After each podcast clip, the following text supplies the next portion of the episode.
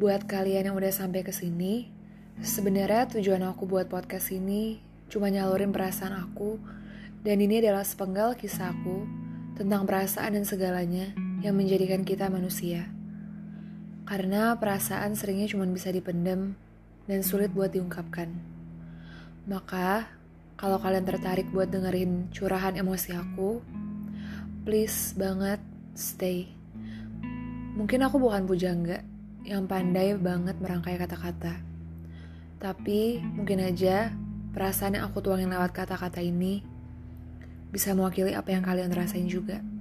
So please enjoy.